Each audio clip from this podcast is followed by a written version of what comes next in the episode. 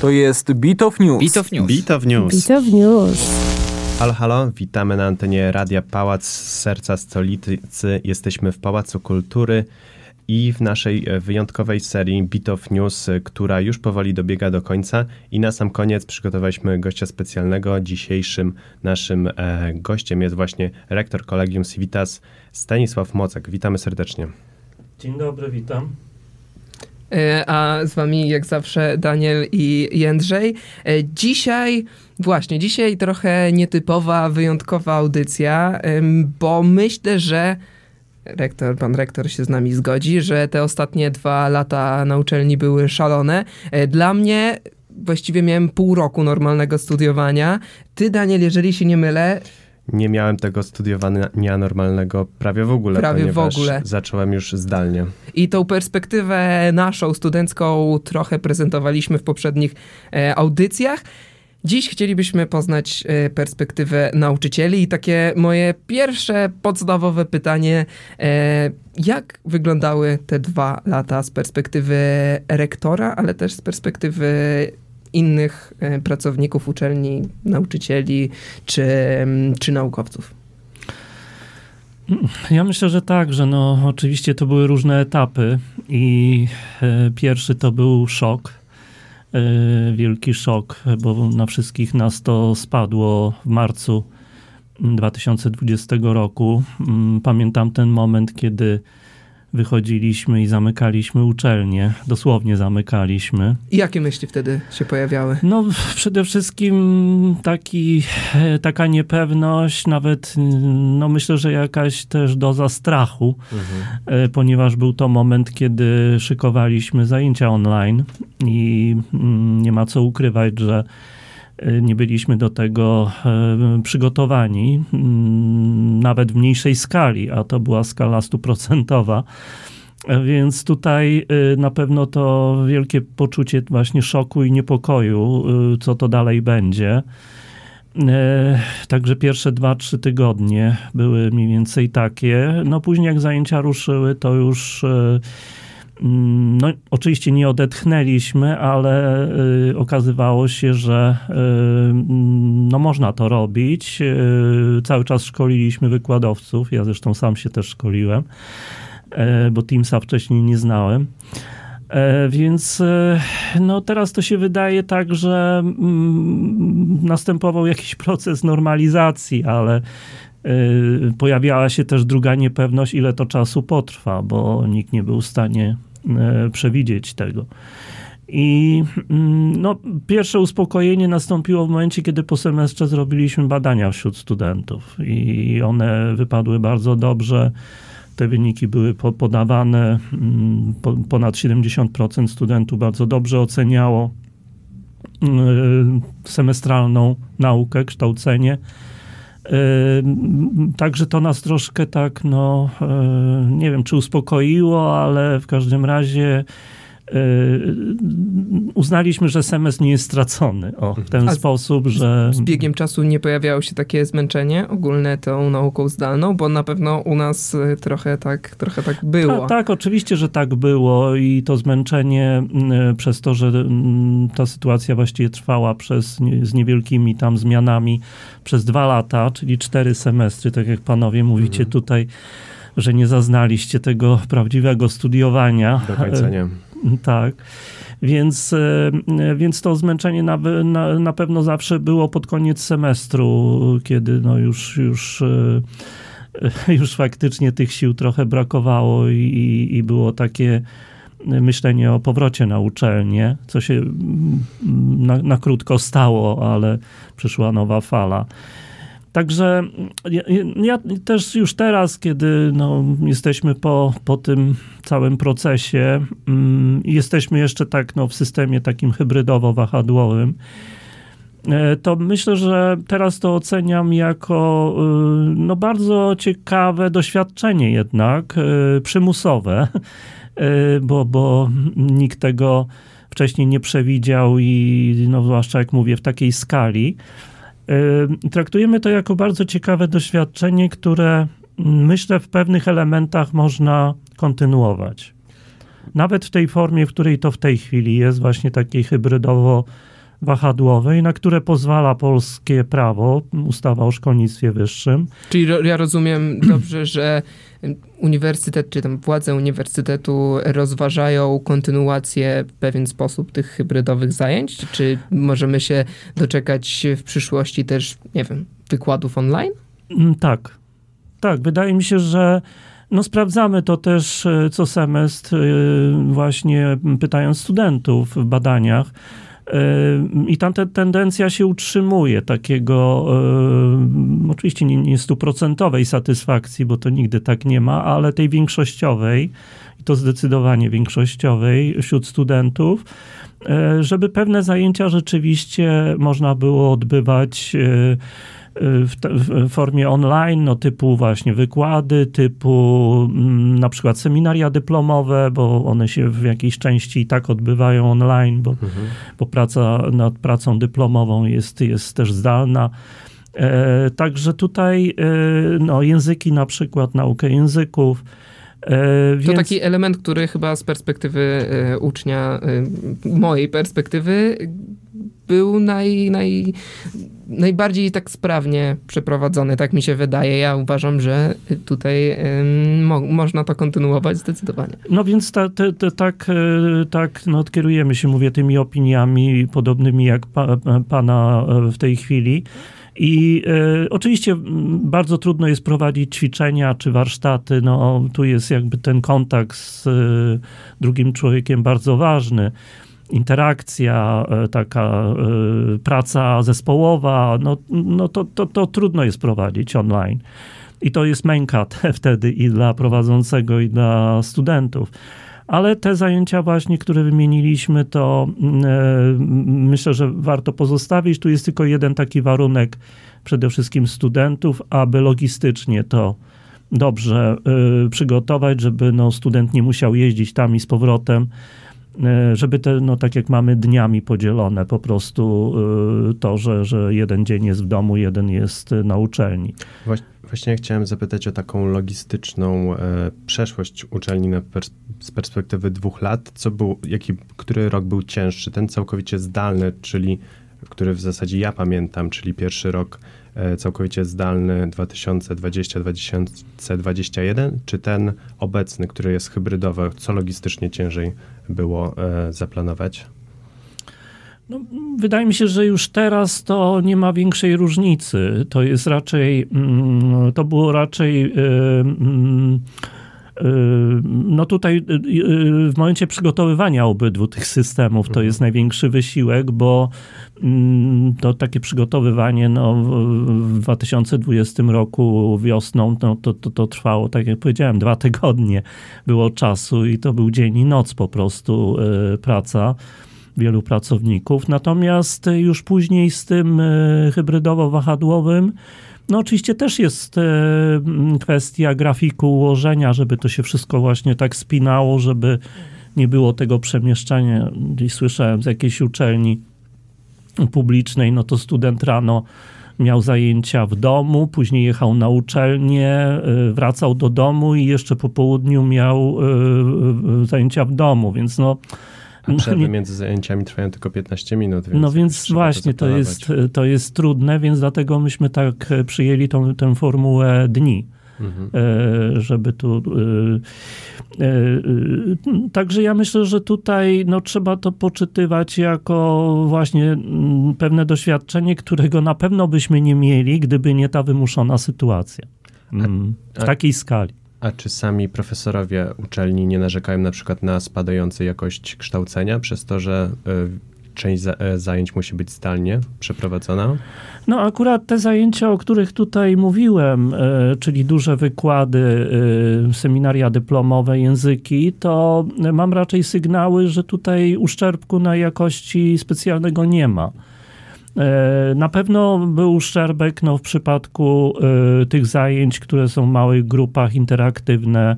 Tak, no to y, chyba sami pamiętamy zajęcia, y, nie wiem, 8 osób z 15 na, na, na zajęciach, z tego jedna osoba ma włączoną kamerę i dwie w ogóle jakkolwiek No się właśnie, odzywają. to ściganie za, za kamery, tak, i, i tłumaczenie, tłumaczenia różnego rodzaju. Więc y, y, tutaj myślę, no i, i, jest pewien też uszczerbek na jakości y, dotyczący przeprowadzenia egzaminów i zaliczeń. No to, to jest jakby też ważne, bo jak wiadomo, pomysłowość studentów nie zna granic i nie ukrywajmy, też było wykorzystywanie tej sytuacji zdalnej do pewnych zachowań, e, które no nie, niekoniecznie sprzyjały jakości. E, więc tu na pewno e, będziemy dość poważnie rozważać to, żeby jednak egzaminy zaliczenia były bezpośrednie. Czyli nauka zdalna w Hybrydowa. przypadku kilku przedmiotów, ale wszystkie egzaminy na uczelni. Prawdopodobnie w tą stronę będziemy szli.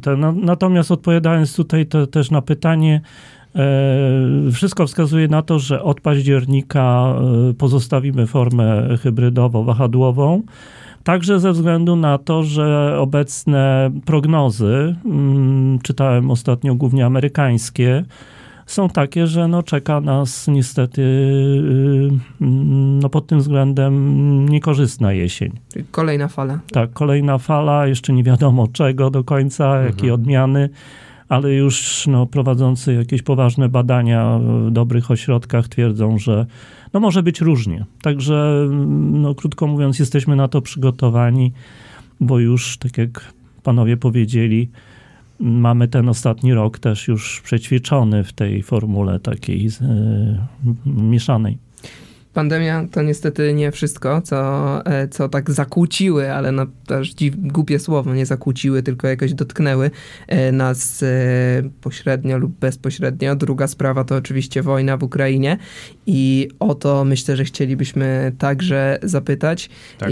jak wygląda obecnie sytuacja, jak wygląda obecnie pomoc studentom z Ukrainy i jak myślę też przyszli studenci z Ukrainy mogą liczyć na, na, na pomoc na naszym uniwersytecie. E, tak, no tu są jakby dwa aspekty tej sprawy. E, pierwszy, no taki bardzo doraźny, e, czyli w momencie, kiedy wy, wy, no, nastąpiła ta agresja, czyli 24 lutego, myśmy natychmiast powołali zespół pod kierunkiem prorektora do spraw studenckich. No i zaczęliśmy działać tutaj i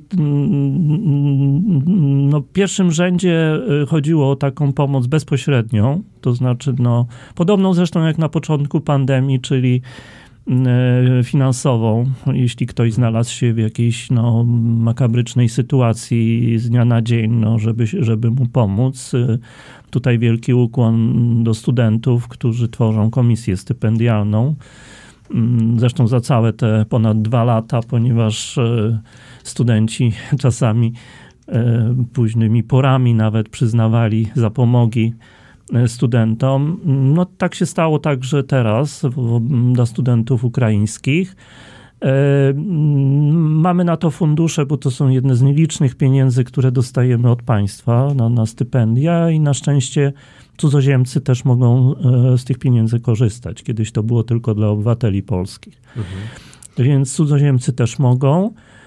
No i tu komisja, jak mówię, stanęła na wysokości zadania. Druga sprawa była taka, żebyśmy, że tak powiem, zidentyfikowali, e, no, co się dzieje z tymi studentami ukraińskimi, bo, bo mamy w uczelni, w Kolegium Civitas w tej chwili studiuje bodajże 370 e, osób z Ukrainy. E, no i chodziło o to, żeby sprawdzić, no, gdzie oni są, co się z nimi dzieje, mhm. czy są na terenie Ukrainy, czy są w Polsce, w Warszawie. No i tutaj e, to też bardzo szybko zostało ustalone. Akurat zaczynał się semestr i nawet po logowaniach można było sprawdzić, czy, czy ktoś jest aktywny, czy, czy nie. A jeśli nie, no to myśmy się zwracali dzwonili po prostu, tak? Nawet SMS-y żeśmy wysyłali, bo, Mhm. bo uznaliśmy, że nie wszyscy może mają dostęp do internetu, jak y, są na terenie działań y, tych wojennych. Także poszły i pytania SMS-em, no i do, dostawaliśmy właściwie, e, wszyscy studenci jakoś zostali zidentyfikowani. No część była na Ukrainie, część, część tutaj. e, A tak procentowo, jaka to była część mniej więcej z tych 370 e, uczniów? Ja myślę, że po dwóch tygodniach tam była niepewność co do 20 chyba studentów, Mhm. ale później chyba też już, już były jakieś e, od nich sygnały, także To bardzo dobra wiadomość w takim razie. tak, bo to no, niepokoiliśmy się po prostu o nich i, i no także pomoc psychologiczna, tak jak też pandemii, e, bezpłatna, żeby no poradzić sobie po prostu z tą sytuacją, bo wiadomo, to był też, też wielki szok. No więc e, to jest, ta, tam mówię, taka doraźna. Natomiast utworzyliśmy też fundusz, cały czas zbieramy jeszcze zresztą tam pieniądze. Było w tej chwili ponad 40 tysięcy, uczelnia też tam przeznaczyła swoje środki. No i mm, to traktujemy jako taką żelazną rezerwę po prostu, bo ta sytuacja też jest nieprzewidywalna, nie wiadomo, którą stronę to pójdzie i to jest taka żelazna rezerwa na wypadek, gdyby no, na przykład tych pieniędzy y, budżetowych nie starczyło. E, Więc, więc trzymamy to tak no, na, jakby na, na no nie chcę powiedzieć ten gorszy czas, bo by go nie było, ale no wszystko może się zdarzyć. Jeśli mm, no, te sprawy pójdą w miarę pomyślnie, no, no, pomyślimy, żeby może utworzyć z tego e, kilka stypendiów e, dla tych, którzy no, faktycznie stracili, e, stracili w, Ukrainie no, środki do, do życia, do studiowania więc na pewno zostaną te środki e, wykorzystane. Także mm, O to się nie musimy martwić. o to się nie, nie, nie, nie będziemy martwić. No niestety nie ma żadnych możliwości stypendialnych yy, dla studentów z Ukrainy. Mm, Bardzo nad tym bolejemy. Myśleliśmy, że mm, nie, no, nie, nie bardzo można liczyć na krajowe w związku z sytuacją, która jest, ale myśleliśmy, że może jakieś europejskie czy amerykańskie pieniądze się pojawią. Mówimy tutaj o stypendiach jakich konkretnie? Mówimy o takich stypendiach, które byłyby dla osób, które znalazły się w jakiejś no, na tyle opłakanej sytuacji, że nie mogą opłacić czesnego, na przykład. Mhm. Takie no trochę ratunkowe. Y, Ale też jeśli chodzi o te działania, mm, które można uznać za bardziej długofalowe, to podjęliśmy decyzję już w kwietniu, że utworzymy roczny program pomostowy e, e, w języku ukraińskim mm, na stosunkach międzynarodowych i na zarządzaniu e, dla tych osób, które nie znają na tyle polskiego lub angielskiego, żeby przyjść na studia po polsku czy po angielsku. Mhm. Bo wymagają jeszcze no, kilku co najmniej miesięcy nauki polskiego na przykład. No i nie zdążą po prostu do, do, do października, więc e, e, jest to połączone z intensywną nauką polskiego wliczoną wczesne. O, w ten sposób. Dobrze w zasadzie, że rektor tak trochę w przyszłość e, wybiega, mówiąc o tym programie rocznym, bo my chcieliśmy zapytać o to, jaką przyszłość szykuje sama uczelnia pod względem być może nowych kierunków, czy coś od przyszłego roku będzie wprowadzonego, jeśli chodzi o nowe kierunki. Tak, bo my mamy e, w, swojej takiej strukturze i w strukturze oferty dydaktycznej mamy kierunki e, i mamy na tych kierunkach bardzo dużo specjalności, jak Mhm. sami wiecie, bo, bo studiujecie na pewno e, na, na tych specjalnościach. E, Ich jest e, bardzo dużo, bo są i po polsku, i po angielsku, i mieszane też. E, Więc my co roku dodajemy pewne specjalności na kierunkach, które mamy. Mhm. I tak jest co roku. Mamy też studia grantowe, które w pewnym momencie były na zarządzaniu. Mamy studia dualne też, które robimy razem z IAB. E, To jest taki ważny partner na, na rynku marketingu internetowego. E, Także staramy się wprowadzać co roku nowe, jak to się mówi, produkty edukacyjne. E, natomiast no, może tutaj zdradzę no, mm, pewne nasze plany. Bardzo poważnie rozważamy wystąpienie o kierunek prawo. O, tak. To także, zaskoczenie. Tak, tego jeszcze nie było. Tak, bo wydaje nam się, że to jest spójne po prostu z naszą uczelnią. I już od przyszłego roku? Czy to są... Nie, no, czy to, to jest uzależnione od tego, ile ten proces potrwa, Jasne. a nie zależy to od nas bo to mhm. jest sprawa ministerstwa i Polskiej Komisji Akredytacyjnej, e, która generalnie niechętnie przyznaje w ogóle uprawnienia. E, więc e, no tu mamy, mamy jakby w planie to zrobić z naszej strony szybko, ale nie wiadomo ile to, to może potrwać nawet rok. Więc bardziej to jest chyba jednak na 2024 rok. Tak. To trzymamy kciuki, żeby poszło, poszło jak najszybciej. Chyba wszystko już wiemy, znaczy wszystkiego na pewno nie, ale dziękujemy, że, że pan rektor tutaj podzielił się z nami tymi najważniejszymi informacjami e, dotyczącymi studiowania na Kolegium Civitas. Czy ty, Daniel, jeszcze masz jakieś pytania?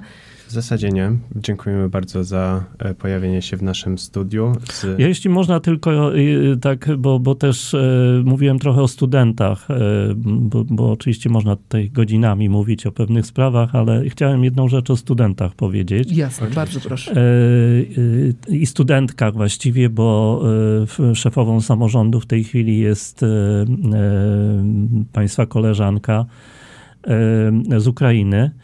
E, Alina. Którą gościliśmy tutaj dwa miesiące temu. No właśnie, więc e, mm, chciałbym tutaj powiedzieć, że mm, mm różne były Obchodzimy w tym roku 25-lecie uczelni. E, wiem, że będą akcenty także i na zakończeniu roku akademickiego, właśnie przez studentów przygotowywane.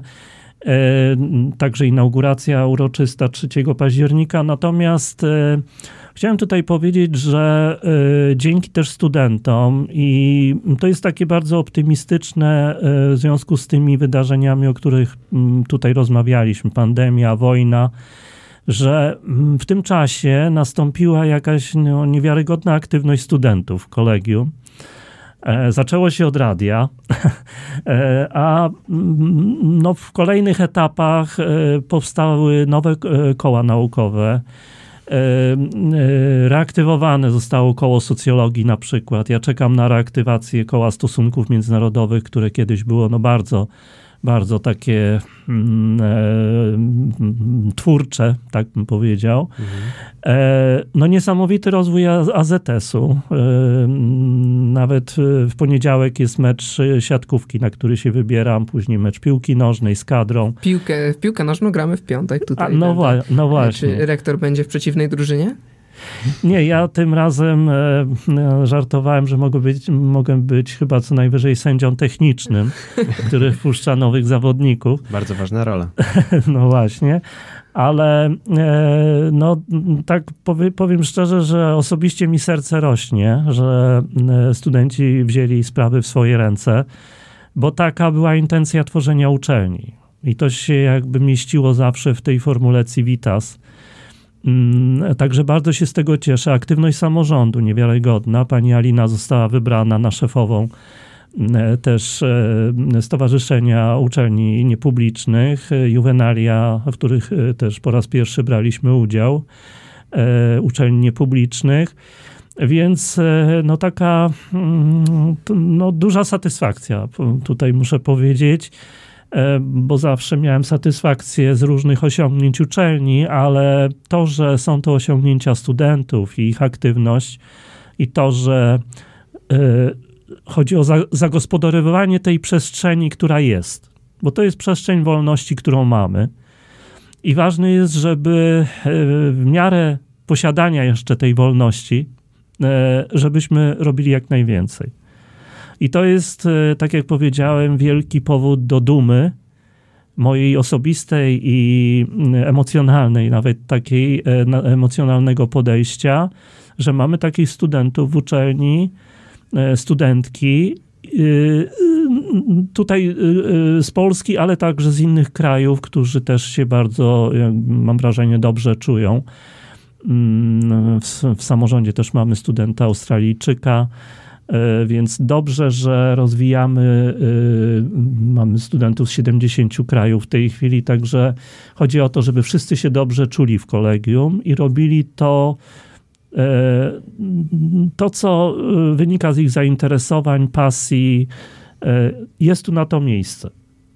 Radio było takim przykładem, gdzie pan Wojtek jako lider zebrał zespół i, i zaczęliście to, co w tej chwili y, y, tutaj, w czym uczestniczymy, własnymi rękami zrobiliście. Dosłownie. Myśmy trochę tak, dosłownie, pamiętam to otwarcie i noszenie cegieł, tak, i, i później... To jeszcze nie nasze czasy, ale doceniamy. Tak, tak było, tak było. Ja jeszcze na tyle mam dobrą pamięć, niezaburzoną przez COVID. E, więc, e, mm, więc to jest realizacja pewnego pomysłu, który powstał 25 lat temu. Żeby to była społeczność, żeby studenci czuli się tu dobrze, e, żeby była przyjaźń, żeby, żeby była współpraca, synergia działania. I jeszcze na, już zupełnie na koniec, bo pewnie mój czas już definitywnie minął. Tu też chciałem się y, pochwalić. Ostatnio miałem wystąpienie też na SGH y, w związku z tym programem pomostowym i tam y, też reklamowałem naszych studentów. I podawałem przykład tego, jak studenci się zachowali w, zaraz po agresji w Ukrainie Mianowicie zamieścili na e, profilu na Facebooku e, plakat. Mm, ja ten plakat przemyciłem do gazetki SGH, e, więc jest, jest w tej chwili, mogę link podesłać. Mianowicie, kiedy myśmy się, ja miałem doniesienia z innych uczelni, że rektorzy bardzo martwią się o to, jak się zachowają studenci wobec na przykład studentów z Rosji czy z Białorusi że były jakieś tam przykłady takich no, emocjonalnych reakcji, nawet siłowych trochę. E, I kiedy ja o tym myślałem, to studenci zamieścili plakat, gdzie napisali o tym, że jesteśmy ponad podziałami. E, no jak wiadomo, to wyszło ze strony samorządu, czyli od pani Aliny, która jest z Ukrainy. Więc to był taki dla mnie no, niesamowity gest, yy, który świadczy o niezwykłej dojrzałości studentów. Że w tak trudnej chwili, kiedy wiedzie, wiedzieliśmy, że trwają naloty, mordy, yy, gwałty i tak dalej, studenci byli na tyle dojrzali, że wydali taki komunikat też duża inteligencja, że potrafili też na tą drugą stronę właśnie spojrzeć, bo że nie skupić się tylko na Ukrainie, ale właśnie na tych studentach z Białorusi i z Rosji. Tak dokładnie, dokładnie, bo no, oni się znaleźli też w bardzo no, nie, nie niełatwej sytuacji. No, od nikogo nie wymagamy, żeby dzielił się swoimi poglądami, ale y, no, w każdym razie no, nie, sytuacja nie do pozazdroszczenia na pewno. Więc tutaj no, to, że y, y, nie rektor, ale studenci wydają taki komunikat, myślę, ja żartowałem trochę w SGH, że zostałem wyręczony tutaj y, w ten sposób, bo już nic więcej nie musiałem robić, tak, bo, bo ten gest wystarczył. I tym pozytywnym aspektem myślę, że zakończymy. Naszym gościem był rektor Kolegium Civitas, profesor Stanisław Mocek. Dziękujemy bardzo. Dziękuję. E, ja nazywam się Jędrzej, ze mną był e, Daniel i do usłyszenia wkrótce na antenie Radia Pałac. Cześć. To jest Beat of News. Beat of News. Beat of News. Beat of News.